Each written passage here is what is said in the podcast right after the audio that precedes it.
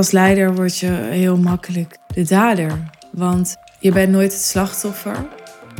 Je bent ook niet de hero, de redder. Want je bent er niet om te redden. Daar ben je geen leider voor. Je bent om, om te leiden. Dat is iets anders dan redden, weet je wel. Dus...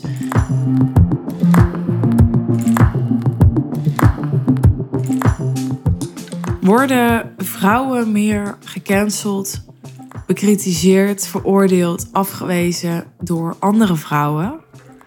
En uh, misschien vraag je je af waarom is dat überhaupt relevant? Nou, ik had een, uh, een gesprek met mijn mentor en op een gegeven moment zei ze: Er is geen hele krachtige, weet je wel, leading, succesvolle vrouw die niet een ervaring heeft van uh, ja, gecanceld, bekritiseerd, veroordeeld. Je zou het in, nog heftigere termen, een soort van verketterd kunnen noemen, is, uh, is geweest. En ik kan eigenlijk niet zo goed dat statement beoordelen, merk ik, omdat ik denk, ja, ik, ik hou me daar allemaal niet zo mee bezig. Ik zit dat allemaal helemaal niet zo in de gaten te houden. Maar wat ik wel weet, is dat, uh, nou, bijvoorbeeld Marie Forleo, maar ja, er zijn meer namen in Nederland en daarbuiten die, uh, ja, waar gewoon heel veel kritiek op is geweest. En ik moest opeens ook denken aan Glennis Grace. Ik dacht, oh ja, dat supermarktincident. En vervolgens is gewoon die hele carrière van die vrouw verwoest, hè? En uh, als ik dit dan weer zeg, dan moet ik denken aan uh, dat ik afgelopen week naar Patrick Kikkers zat te luisteren. Die had het over, ja, al die, uh, die, die jongens in die gevangenissen, ja, die zijn ook allemaal maar grootgebracht door hun ouders. En uh, ja, die zijn weer grootgebracht door hun ouders. En als die allemaal beter hadden gekund en beter hadden kunnen opvoeden en kunnen voorleven en zo, dan. Ja, dat, dat, ging, dat was dan een, een opmerking vanuit non-dualiteit en dat we geen vrije wil hebben. Dat, uh, daar ga ik nu helemaal niet op in in, deze aflevering. Want ja, dat is wel even iets meer dan uh, een paar regels voor nodig voor dat concept. Maar ja, ik heb al vaker in mijn podcast gedeeld dat ik het heel erg ja, ermee uh, oneens ben dat, dat er zo publiekelijk eigenlijk wordt gestraft bij mensen die um, hun kop boven het maaiveld uitsteken. Omdat ik denk, ja, het is de manier ja, waarmee we met z'n allen het plafond creëren, waar, waar we met z'n allen vervolgens weer doorheen proberen te breken. Want we laten aan alle kanten zien, ja, je kan wel, uh, weet je wel, in de Ziggo staan en uh, een van de beste zangeressen van Nederland worden genoemd en uh, nou, noem het allemaal maar op. Maar vroeg of laat, het maakt niet uit of je vrouw bent of man, maakt niet uit of je Glennis Grace bent of Marco Bassato, vroeg of laat ja, weet je wel, als je een fout maakt, dan, uh, dan is het gewoon klaar. En dan kan je zeggen, ja, dan is het ook weer aan die mensen om op te krabbelen en om weet ik veel wat. Hè. Het, het is ook, ze zijn in staat geweest om op die plek te komen. Daar hoort misschien bij dat je ook klappen moet vangen. En nou ja, het is aan hen of zij de kracht hebben en de keuze willen maken ik had het net ironisch genoeg natuurlijk over geen vrije wil. Maar goed, om weer, weer terug te komen. En uiteindelijk ligt het natuurlijk ook allemaal wat genuanceerder. Ik ben er niet om het uh, voor die mensen op te nemen. Maar ik ben het eigenlijk om. Eigenlijk ben ik er dan omgekeerd. Wil ik het opnemen voor die massa. Dat ik dan denk. Maar zie je niet wat je doet? Zie je niet dat als je dus iemand zo hard afrekent op bepaald gedrag dat je eigenlijk niet meer anders kan dan jezelf keihard afrekenen op dat gedrag. Maar ook je partner keihard afrekenen op zulk gedrag. Je beste vriendin keihard afrekenen op zulk gedrag. En dan kan je nu heel hard denken...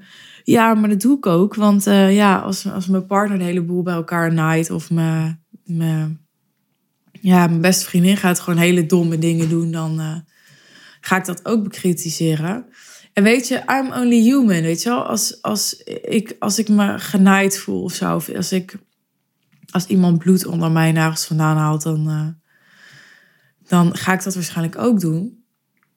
Maar ik heb wel het bewustzijn erop dat, dat er een boomerang effect is.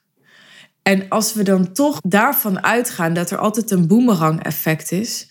Dus een van mijn mentoren zei altijd: als je een ander bekritiseert, bekritiseer je eigenlijk jezelf. Dat is het, hetzelfde principe, maar dan anders uitgelegd. Als je daar dan toch van uitgaat, dan is het dus ook helemaal niet nodig om die ander zo te bekritiseren. Want op het moment dat iemand ja, bepaald gedrag geeft, krijgt hij dat ook weer terug. Wat je geeft, krijg je terug. Weet je wel? Dus er is gewoon zoiets, denk ik, als karma. Als dat iedereen toekomt wat hij moet toekomen. En, en toch zijn er altijd mensen.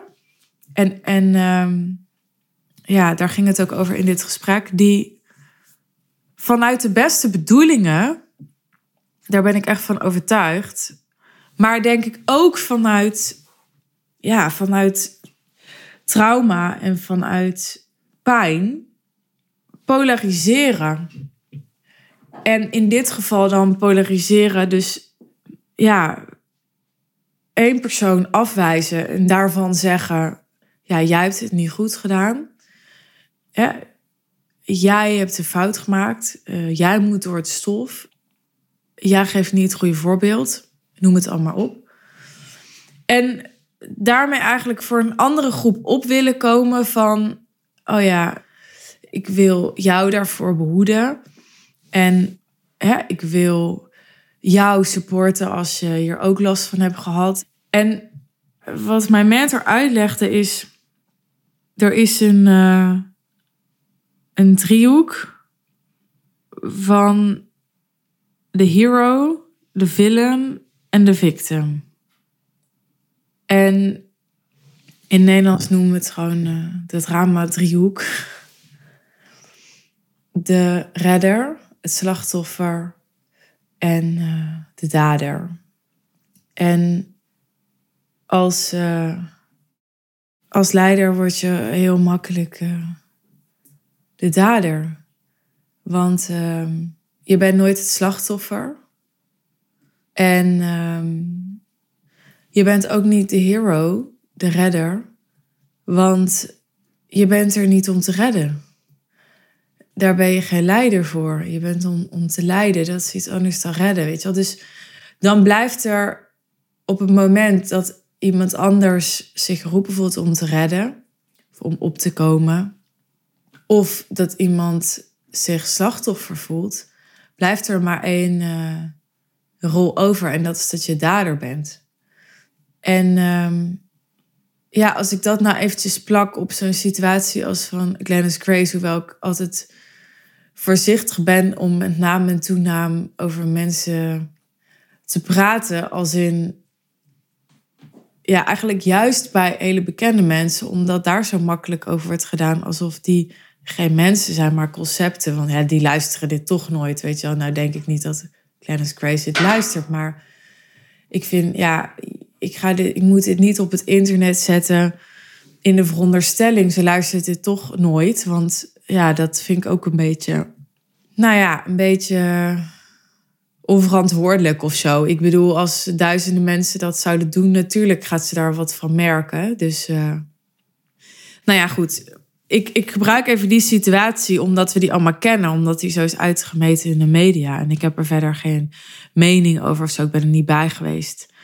Maar kijk, ik denk dat dat voor iedereen geldt. Dat ja, op het moment dat er onrechtvaardig gedrag plaatsvindt, dan, dan vinden we dat allemaal onrechtvaardig. Weet je wel? Op het moment dat, dat er iemand geslagen is, om even een praktisch voorbeeld te nemen, dan vinden we allemaal, nee, dat, dat moeten we niet doen. Hè? We moeten niet slaan. En dan veroordelen we allemaal dat gedrag. Patrick ik zei ook, dat gedrag van die mensen in die gevangenis. Daar, daar moet wel iets mee. Ik weet niet of, of, of het gestraft moet worden of veroordeeld of uh, bekritiseerd of weet ik veel wat. Dat, dat, dat weet ik niet. Maar dat gedrag is natuurlijk, dat moet in ieder geval niet goedgekeurd worden. En tegelijkertijd is het gedrag van een mens dat ook maar een, uh, een pak, pakketje conditioneringen is. Dus ja, ik vind het oprecht wel vreemd dat, ja, dat mensen soms zo geboycott kunnen worden. En uh, dus niet alleen vrouwen. En laatst had ik het nog met iemand over uh, Giel Belen, die zo'n uh, grap had uitgehaald bij de radio jaren geleden. En die toen echt, ik weet niet hoeveel volgers gewoon verloor. Omdat hij gewoon geboycott werd. En eh, je kan zeggen, ja, die grap ging te ver en zo. En ik ken er de details niet van, maar ik geloof het meteen. En natuurlijk, je mag er dan dus ook voor kiezen te zeggen, nou, als iemand tot dit soort dingen in staat is, dan wil ik die niet meer volgen. Dus de vraag is dan ook, wat is canceling en wat niet? Maar het voelt wel heel voorwaardelijk. Het voelt wel heel erg van, oké, dus als iemand dan iets doet wat niet meer in je straatje past, dan, uh, ja, dan hoef ik daar ook niks meer mee te maken te hebben of zo. Ja, ik, dat vind ik heel fascinerend. Nou ja, terug naar uh, Glennis Grace. Ik denk, wat voor doel dient het om, ja, om, uh, om vervolgens zo'n vrouw niet meer te boeken, bijvoorbeeld? Nou, ik kan me voorstellen dat dat voor een bedrijf, een commerciële organisatie, ook gewoon puur met marketing en branding te maken heeft. Je wil niet meer geassocieerd worden met iemand die nu op een negatieve manier in het nieuws verschijnt.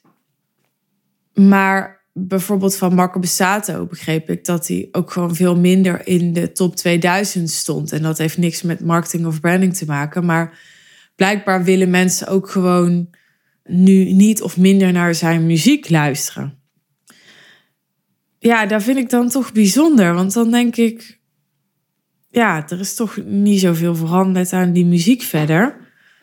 En nou ja, hetzelfde is natuurlijk ook ik zeg over Matthijs van Nieuwkerk. Van ja, dat programma dat heeft nu wel een smetje. En dan denk ik, oh ja, je hebt zoveel jaar dat programma gewaardeerd.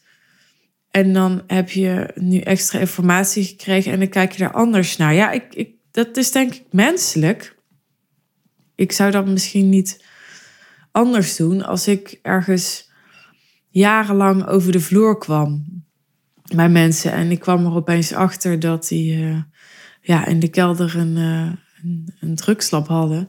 Ja, dan zou ik ook anders naar die mensen gaan kijken. Je wel? Dus het is wel menselijk. En ik vind het gewoon heel interessant en fascinerend.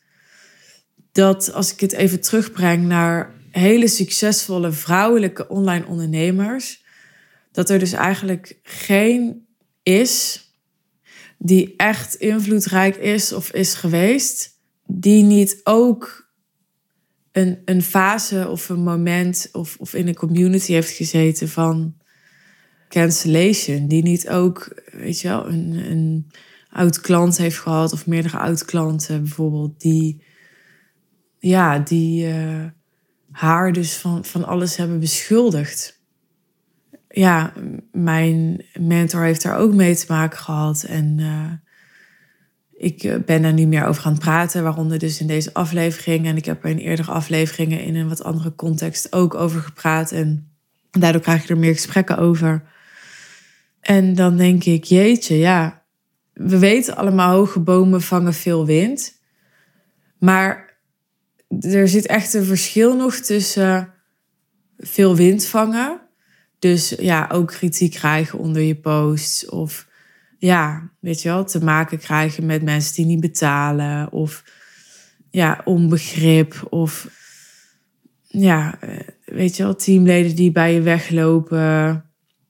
Ik bedoel, er zit nog een verschil tussen tegenslagen en weerstand en grote risico's nemen, daardoor ook harder op je bek gaan. En echt, ja, ik zou het eventjes voor de, voor de context verketterd willen noemen. Gewoon verketterd worden. En ja, misschien denk je dan nu wel, ja, maar wie werd er dan echt verketterd en zo? En dat, dat, dat dacht ik ook, dat had ik ook.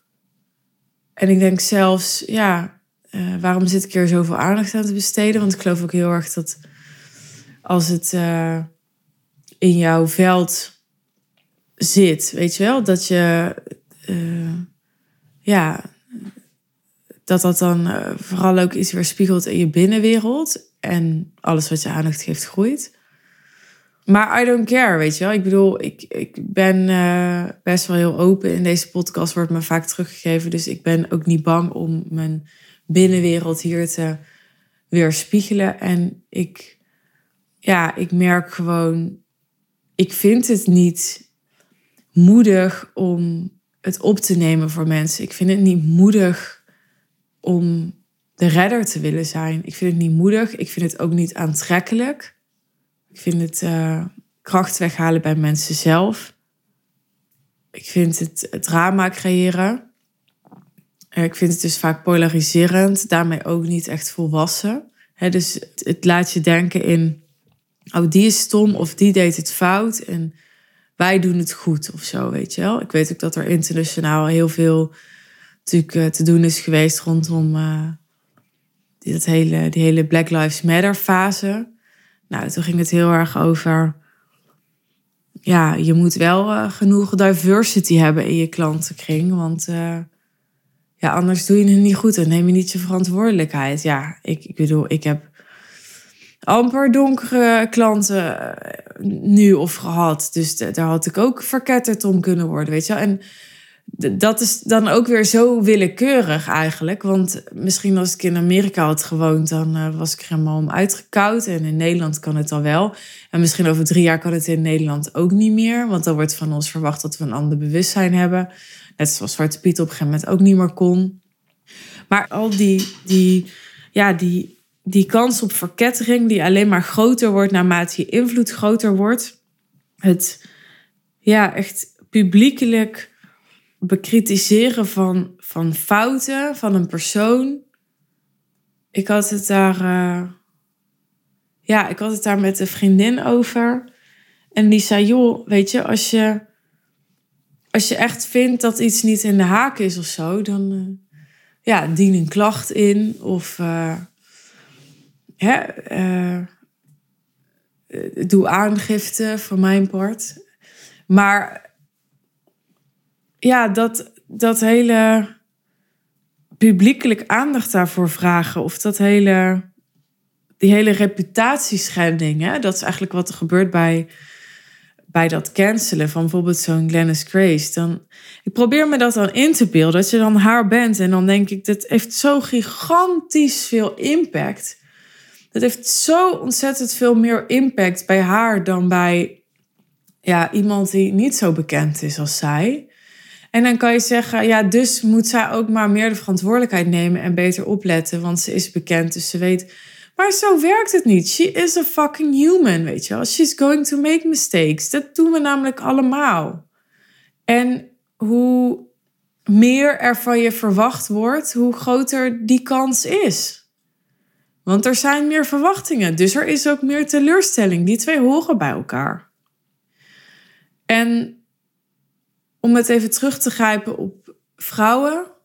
Ik geloof wel dat veel vrouwen, en het is altijd gegeneraliseerd wat ik nu zeg, maar veel vrouwen makkelijk bondgenoten worden. En daarin ook een steun worden aan elkaar en met elkaar. En ook als bondgenoten veel destructiever kunnen zijn nog dan mannen. En veel gemener naar elkaar.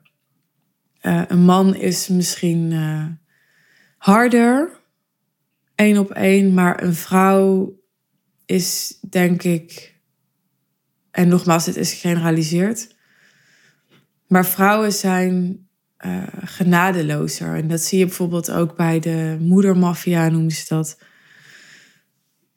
Vrouwen die, ja, zijn denk ik vaak minder tolerant, minder compassievol. En is dat dan belangrijk of vrouwen dat meer zijn dan mannen? Nou, op zich niet. Anders dan dat ik hoop dat ik door gewoon wat ik waarneem en waar ik over nadenk, wat ik bespreek met mijn omgeving, door dat ook publiekelijk bespreekbaar te maken in de podcast, hoop ik in dit geval andere vrouwen die zo'n soort gevoel kunnen hebben en ik heb het al specifiek tegen ja, de meest invloedrijke vrouwen van Nederland. Want ik weet dat heel veel mensen dit zullen luisteren, zullen denken: joh, ik herken dit helemaal niet. En uh, joh, ik zit in allemaal, het is allemaal heel gezellig om mij heen. Maar ben je echt een, ja, een topondernemer die miljoenen verdient, die uh, zichtbaar is, die risico's neemt, die, weet je wel, het hangt ook echt heel erg af van, ja, van je, je fase, je ambities, uh, je plafond. Ja, of je dit herkent en of je het nodig hebt om dit te horen. Maar ik weet dat er vrouwen zijn die het nodig hebben om dit te horen. Zoals ik het nodig had om dit te horen bij ja, fases en momenten waar ik doorheen ben gegaan. De eerste keer dat ik, uh, nou ja, dat ik zoiets heb ervaren is toen ik uh, nog in mijn fashionblog tijd zat. Ik op een gegeven moment uh, echt een enorme piek in mijn bezoekersaantallen zag.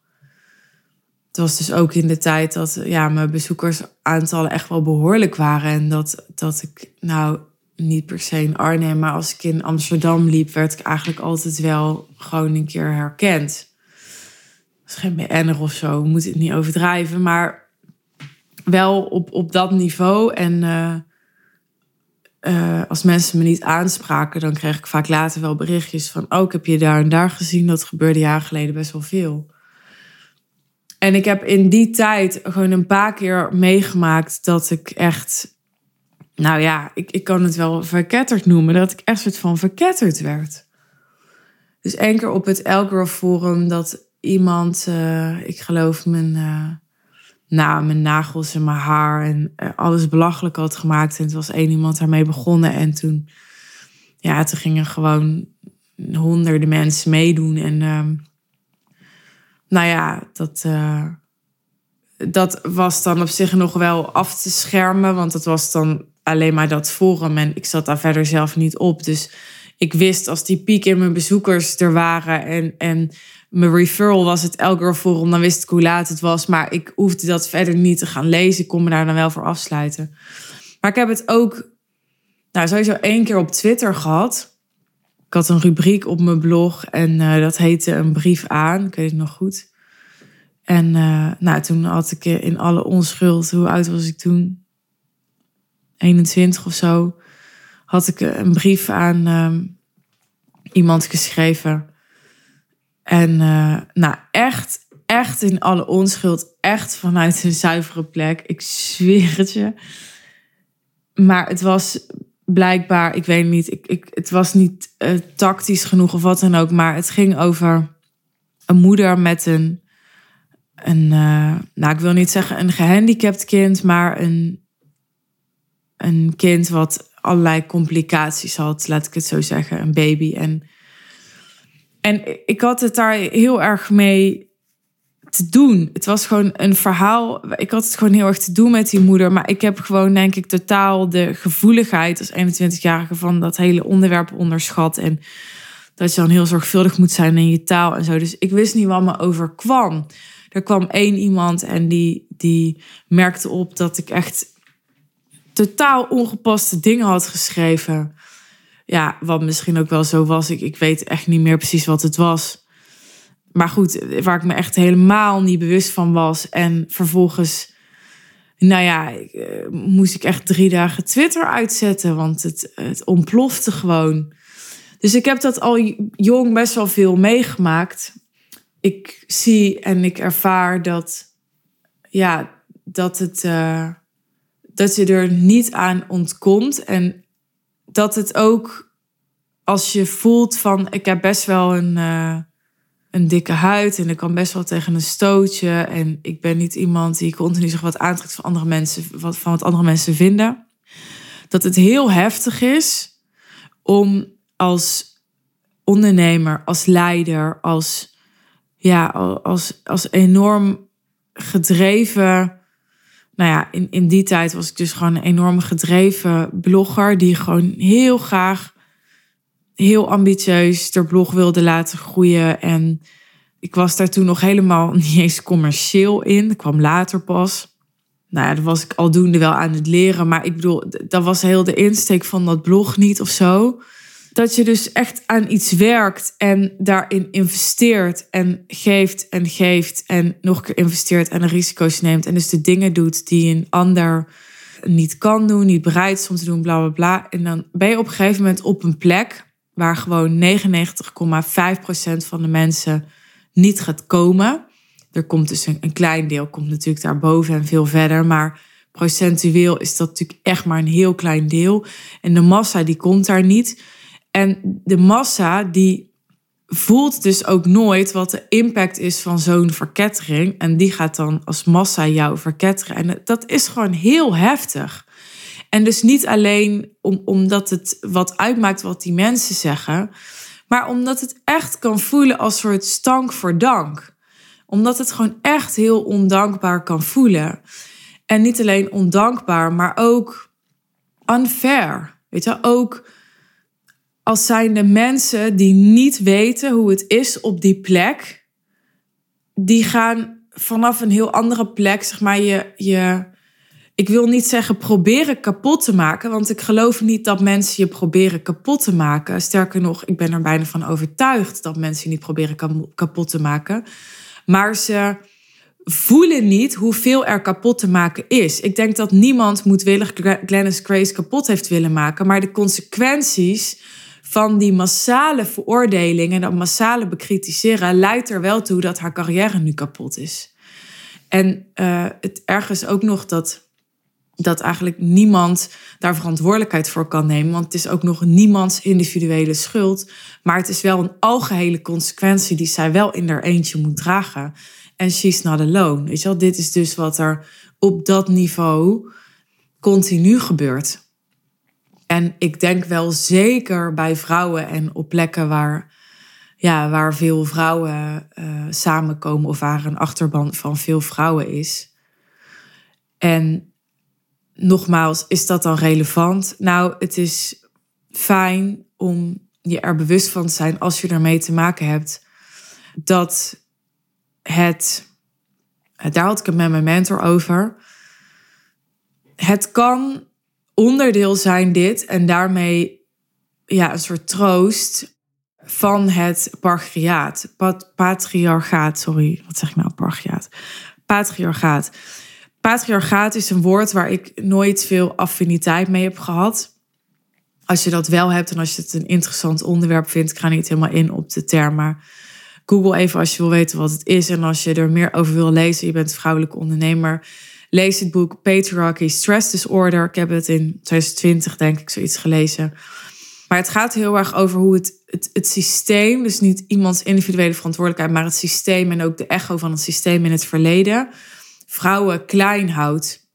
En ik, ik, ik geloof dus echt wel dat er bij vrouwen nog veel meer een soort onbewust krabbenmand-effect speelt. Dus we zeggen dat we vrouwen hè, juist meer uh, kracht en meer rechten en meer gelijkheid willen geven. Maar als je kijkt naar wat er in de praktijk vaak gebeurt, dan houden vrouwen zich met elkaar juist heel erg klein door dit soort gedrag door ja, het cancelen van mensen die fouten maken, of van mensen die teleurstellen, of van mensen die van hun sokkel vallen omdat ze, surprise, mens zijn. Nou ja, met dat patriarchaat heb ik een heel gelaagd onderwerp aangesneden, waar je nog veel uh, verder en dieper je in kunt verdiepen. Nogmaals, als je dat interessant vindt. Maar voor nu is mijn belangrijkste doel om je te bekrachtigen als jij zo'n invloedrijke vrouw bent op een invloedrijke plek. En misschien heb je het nu nog niet nodig, maar misschien heb je het over twee jaar nodig. En dan hoop ik dat je aan deze podcast denkt en dat je weet dat het niet aan jou ligt, dat het gebeurt. En daarmee zeg ik niet dat je alles goed hebt gedaan, maar het cancelen is niet jouw verantwoordelijkheid. Het is iets wat gebeurt. Het is iets wat bij anderen gebeurt. En ja, het is een harde straf, zoals een gevangenisstraf ook een harde straf is. Maar het kan gewoon troostend zijn, dat geloof ik echt, om te weten dat het, uh, ja, dat het heel veel voorkomend is en dat je niet alleen bent, want het is al eenzaam genoeg op die plek. Dus ik hoop dat het, uh, dat het die functie dient, dat ik hiermee die functie kan dienen. Ik hoop ook dat deze aflevering bijdraagt aan weer een stukje bewustwording. Uh, ook bewustwording bij de massa. En ik snap dat dat altijd maar beperkt is. Dat ik nooit de bewustwording kan geven en kan bijbrengen. Die je krijgt wanneer je ja, op zo'n plek zelf zit. Hè? Of je nou Glennis Grace bent. Of Marco Bassato. Of Marie Forleo. Of mij. Op die plek zelf voelt het altijd anders. En uh, dringt het veel dieper door tot je poriën wat de impact is. Van iemand die iets doet vanuit een andere plek. En ja, ik denk wel degelijk dat het, uh, dat het kan bijdragen aan uh, bewustwording als je heel graag vrouwen op die plekken, maar ook mannen, wilt bekrachtigen. Weet je, wees er ook voor hen, wees ook gentle en wees ook supportive en wees ook loyaal als ze fouten maken. Nogmaals, dit ligt heel genuanceerd. Want ja, daar zit het natuurlijk grenzen aan. Zoals je ook je partner blijft supporten als die fouten maakt waarschijnlijk. Maar ja, op het moment dat iemand echt al je grenzen overschrijdt en je je daar niet meer mee kunt vereenzelvigen, dan ga je uit elkaar. Maar ook dat kun je weer op vele manieren doen. En uh, weet wat de impact op een ander kan zijn van uh, hoe jij over haar of hem praat. Dankjewel voor het luisteren. Dankjewel voor je aandacht. En uh, als je wilt reageren, dan alvast bedankt voor je reactie. Je kunt mij altijd een DM sturen op Instagram of LinkedIn. De linkjes naar beide profielen vind je in de show notes. Wil je met mij werken? En wil je mijn coaching krijgen om jouw business op een plek te krijgen dat die ook de invloed heeft. Waar je dit soort dynamieken gaat tegenkomen, of ben je daar en wil je mijn coaching krijgen om met dit soort dynamieken om te gaan, om support te ontvangen bij het leren om de visionair te zijn en te worden, de leider te zijn en te worden die je wilt zijn, wat dat dan ook voor jou maar mag zijn.